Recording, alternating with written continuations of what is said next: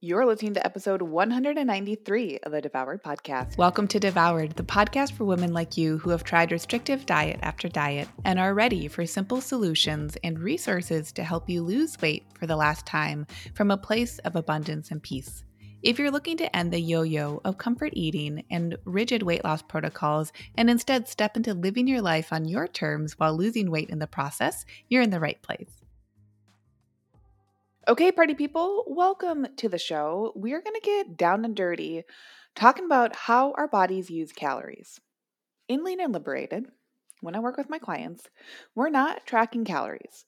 I don't think tracking calories is good or bad, but I do think that tracking calories is not a behavior that we want to or are going to use for the long term, just like diets.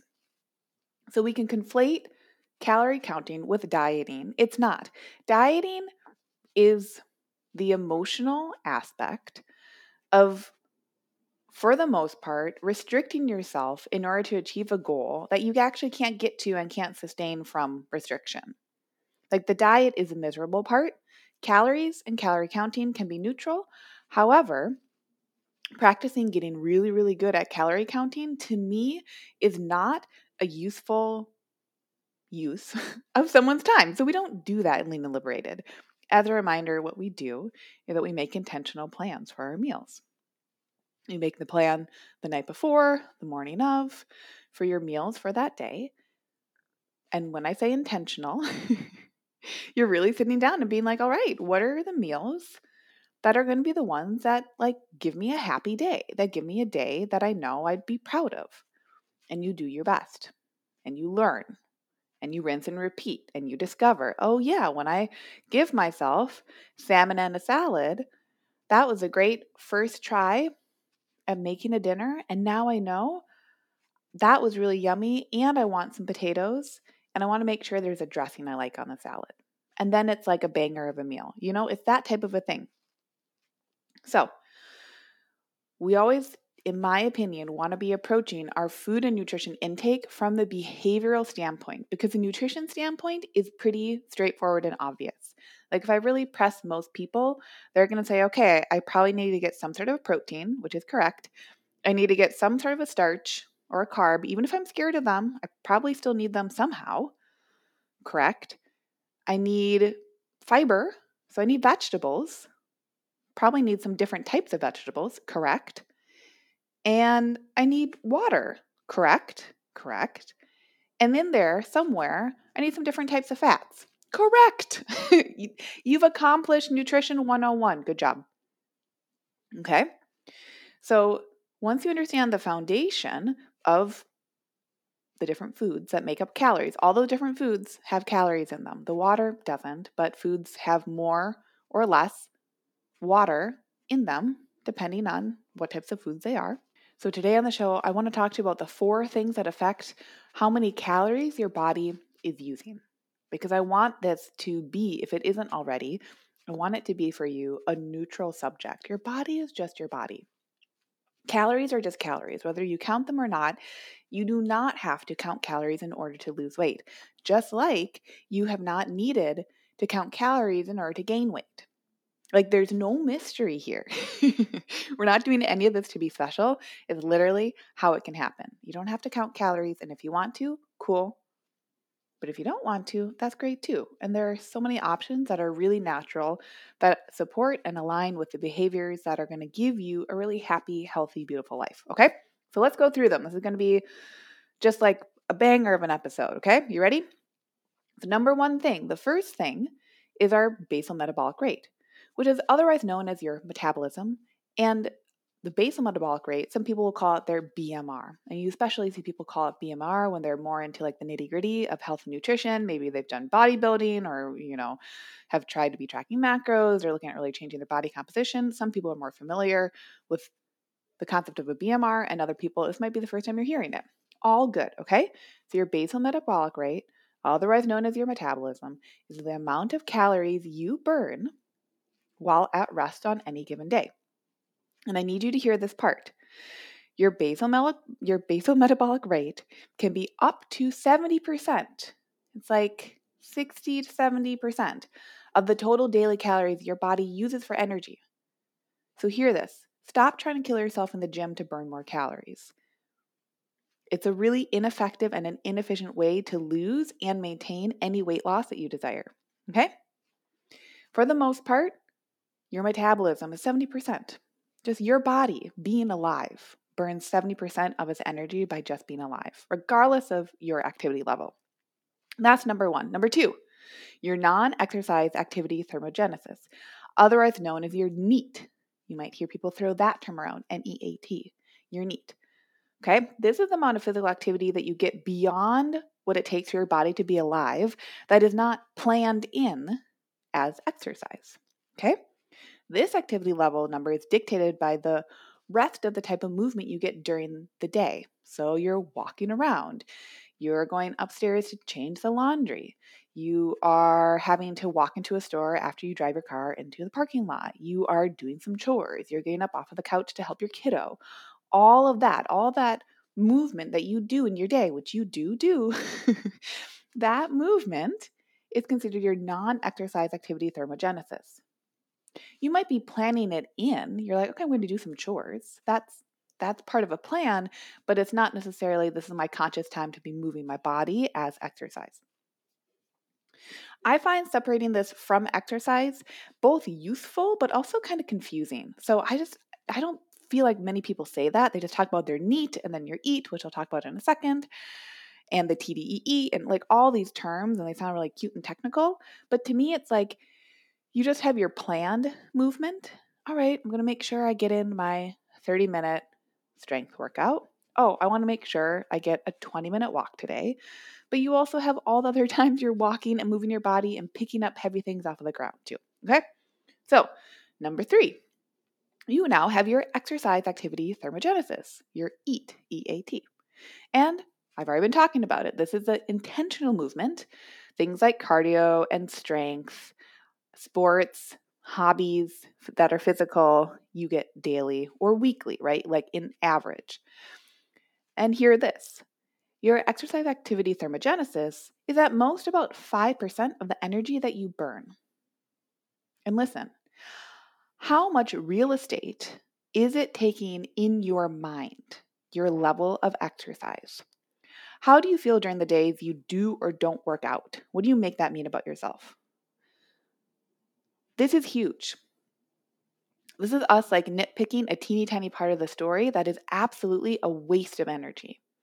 I'm not usually one to say what is like a good or not good use of someone's time, but I will say it is a waste of energy to have any sort of emotion around your exercise that is not an emotion that is compelling, that is compelling for you to have. Like, oh, I love my walks. I love being out in nature and seeing the different seasons, or that's my time to listen to podcasts, or that's when I call a friend, or it's when I just have quiet time.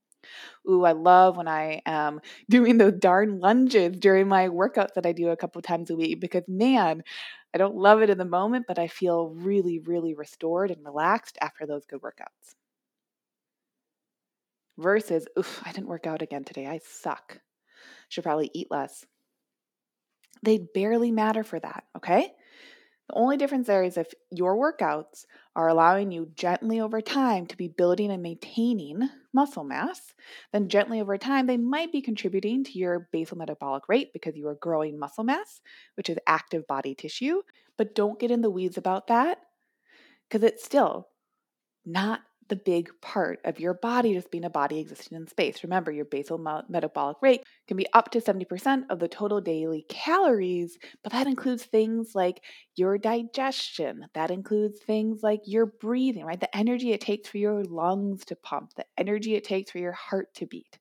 That is what comprises, by and large, your metabolism, is those parts of your body that you forget about, but because you can't quite see them. So the fourth one is the thermic effect of food, the TEF, and I people love to have this be like a super secret part. they like get really cute about it. It's like, hey, here's my swipe post, here's my carousel on Instagram, all about the thermic effect of food. What? All this means is that it takes energy to digest and absorb your food. Okay, this doesn't have to be surprising. It's just another part of your body. Your body has to work in order to do things. Your body has to do things when you eat food. Food doesn't just magically disappear after you swallow it, even though you don't see it until it's poop later. Okay, the level of effort it takes depends on what the food is. This is where people get really fancy with things. Okay, but the the end all be all is that it just takes more effort for your body to digest and absorb protein than it does carbs and fats. And it's not a huge slice of the pie. But this is why you'll see a lot of diets emphasize making sure you're getting an adequate protein. That's why I make sure with my clients, right? They're free to eat whatever they want, but as a basic rubric, we want to make sure you're getting in that palm full of protein at each meal. Because not only does it help make sure that your muscles are getting the energy that they need as you're going about your daily life, but also it can have a thermic effect. Your body takes a little bit more work. And so some people you'll see try to do the dial of saying like let's have a really really really high protein diet and your body's going to take all this energy to burn all the protein. But i want to ask you is that truly liberating for you? I think for most people making sure they're getting in quality protein often enough is a game changer. But we can always take things that are game changers and if we use them with the energy of us not loving ourselves we can take that to just be another diet and I've seen a lot of people. I used to work with people. I've been in different scenarios than what I'm just in now and how I work with clients. I've been in gym scenarios. I've worked with people who have done bodybuilding. I've worked with people who have done powerlifting, who have, have helped people with water cuts before. I understand the power of protein, and I'm here to say you probably don't have to be eating 200 grams of protein every single day in order to do the things that you want to do with your body. I'm just going to say that, okay? So, the total sum of the four above your basal metabolic rate, your non exercise activity thermogenesis, your exercise activity thermogenesis, and the thermic effect of food, the total sum of those is your total daily energy expenditure, your TDEE. Now, from this, I don't want you to be making calculations. And most of the time, when people start to learn this information, they then say, okay, cool, where is my calculator? So I can plug and play and I can make some general assumptions about how much activity I'm getting during the day. I can like plug and play my height and my weight so I can get a better idea of my BMR. No, here's what I want you to take from this information, and it's behavioral. I want you to see that 70% of your caloric needs are from you existing in space and that by you doing chores or working at a standing desk, that does contribute to your overall activity levels. And most people blow intentional exercises, quote unquote, weight loss benefits way out of proportion and don't focus on the other happy benefits of intentional exercise. I'm going to keep drilling this in. This is why in Lean and Liberated, I have you do behavioral change. You're making conscious, intentional decisions about your food choices, but all foods are on the table.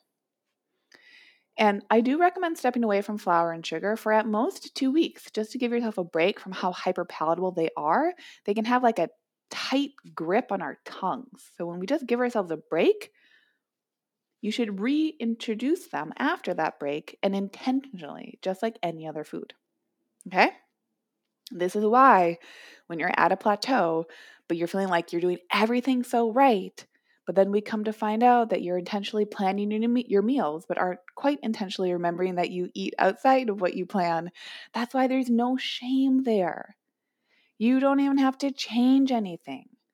What does change is the level of awareness of your behaviors and if they're aligned with what you say you want. That right there is really the turning point when weight loss goes from being out of your control and overwhelming to a reasonable and straightforward process. Because when you feel safe being aware of your choices, then weight loss is incredibly unsexy and it's incredibly boring. And that's kind of the whole point of things here. Making weight loss rote and boring and pretty achievable for anyone who wants it. This is also why so many diet plans with strict food rules stop being necessary. Like in Lean and Liberated, I do have my clients choose when they are away from foods, but it's not part of the weight loss per se, aside from the benefits of fasting, like being able to tune into your hunger and satisfaction cues more readily and having that very gentle uptick in autophagy. You see that from the studies. But don't think for one minute that fasting is some magic bullet. And that's also why I don't have you track calories, like I was saying earlier in the show, because calorie tracking still isn't helping you tune into what your appetite and your hunger and your satisfaction are telling you. Like, there's really no need to force a high carb day on your workout days and then a low calorie, low carb day split every other day, depending on what you're doing and tracking all of it. Because all that strategy really is trying to do is that it's trying to replicate someone else's natural hunger and satisfaction cues. And it's cool if you get there naturally, but it's not going to be what's needed for most people. What most people need to understand is that for the most part, and this is neutral, okay? If you have feelings about it, we got to chat about that. Most people need to understand that they overestimate how much they move, meaning they think they move more than they do, and they underestimate how much they eat. And then they have behaviors because of their relationship with that overestimation and then the underestimation. They have behaviors that reinforce and double down on how much they move and how much they eat. So it's calories in, calories out, but with a foundation of behaviors first. Because how many times have you heard, okay, calories in, calories out? And then you're like, okay, fine, screw it. I'll go do a low calorie diet. And then you do the low calorie diet, and it doesn't respect your hormones. It doesn't respect the types of food you like. It doesn't respect your schedule. It doesn't add into your life and you start to feel tired and cranky and miserable and cold. And so then you take a break from it and you take that break, but you still haven't learned about how to be intentional with the foods you're eating, even just from a place of awareness. And so you take that break, but that break includes thousands of extra calories, which are neutral but if you are now consuming thousands of extra calories and it doesn't feel neutral, then the cycle continues on and on of intense restriction and deprivation, and then intense breaks where there is an intense accumulation of calories. Okay? So, and there's research too, right? Like there's research just recently too, and I'll post the link to the journal article that really shows us that caloric underestimation, like that's not an, a new concept in terms of research. But what is a little bit newer is that the authors, and I'll, I'll link to this in the show notes, authors of this study were noticing that cal- calorie estimates, regardless of someone's body mass, like old studies used to think like, okay, the higher someone's body mass is, the more that they underestimate how much they're eating, meaning that they tend to overeat. But truly, for anyone, whether they have a high or low body mass, it really tends to be that the more food that you see, that you have at meal sizes that can happen gradually over time, the less sensitive you are to the total amount of food that you're eating. Okay? This is why being able to be, and this is what the authors found. Okay, I'm just going to read this straight up from the abstract. The authors also find that using a piecemeal decomposition improves calorie estimation and leads people to choose smaller but equally satisfying fast food meals. And in this study, they were looking at people consuming fast food meals. Meaning, when we keep our foods more basic and we understand, okay, where is my vegetable in this meal? What is my protein? What is the source of carbohydrate? Where is the fat coming from? They're more just shaken out and we're able to see, see more clearly which component is which component. Then our satisfaction remains high and we have and are able to tune in to our more intuitive ability to look at a meal and understand how much energy that meal has. And remember, calories are just energy. We have so many emotions around that word calorie, but all the calorie is is a unit and a measurement of energy. So when we're talking about calories in, calories out, it's just energy in, energy out. So I hope that that was helpful for you today to hear the point of understanding your BMR, your NEAT, your EAT, your TEF isn't just so you can go throw those terms around, but you can if you want to. But the point is not to make calculations from those. The point is to use those and understand what am I doing behaviorally that is making it feel like I am distant from my goal of weight loss. Because if you're not losing weight in one shape or form, one way or another, the calories are at a level that is not allowing you to lose the weight. And that doesn't mean the calories are too low. Even if you have a lot of days where calories are too low, or you feel like a large portion of your day you're eating low calorie, there is a counterbalance to that, and that counterbalance is behavioral. Think about the people who are not eating all day and then they finally get a break at the end of the day and they eat a huge amount of food in order to feel that fullness, in order to take the emotional break, right? All the other subjects we talk about on this show. So those are subjects for a different day, but I just wanted you to have this overview. And I want you to see that 70% of your caloric needs are from you existing in space. It's partially why really restrictive diets, really low calorie diet, dieting can feel okay initially until it really, really sucks. And really, really sucks because your body is always going to try to protect you. And it's actually going to ask you for enough calories consistently enough so that your heart can beat and so that you have nice, great digestion. It's not a bad thing.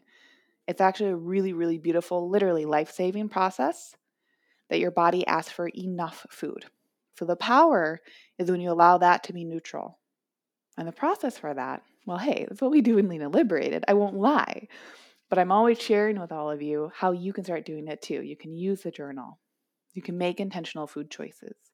You can use the process to help you step on the scale and start to notice that relationship with the scale number, right? You can start to separate out, not to be a robot, but to really say, oh, I'm allowed to have emotions and I don't have to make these food and nutrition and life and belief choices from reaction.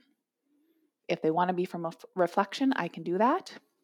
And I believe I can do it because I am doing it.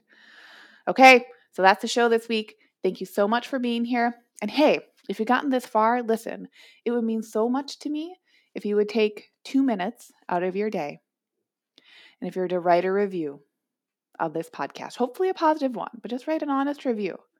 It goes such a long way. It makes a big, big difference. And I just can't wait to keep offering all of you these episodes. So I will see you next week. Bye. Did you know you can find more support from me on my website? Go to Lucia Hawley, L U C I A H A W L E Y dot com to connect.